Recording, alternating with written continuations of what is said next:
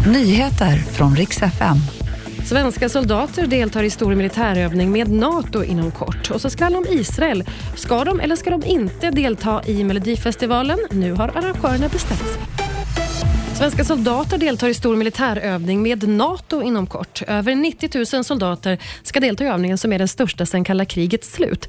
Där skriver tyska nyhetsbyrån DPA bland annat. Och öva på att försvara, försvara sig mot ryska attacker ska man göra bland annat. Och I februari så ska det här göras. Även svenska soldater kommer som sagt att delta i övningen.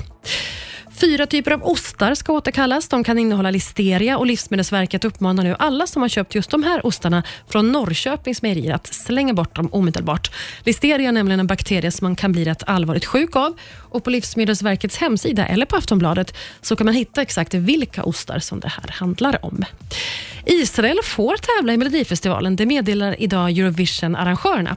Många röster har höjts för att bojkotta Israel från årets tävling.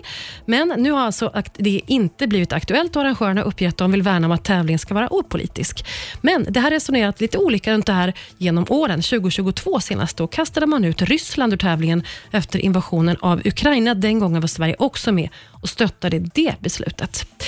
Maria Granström heter jag och det var nyheterna.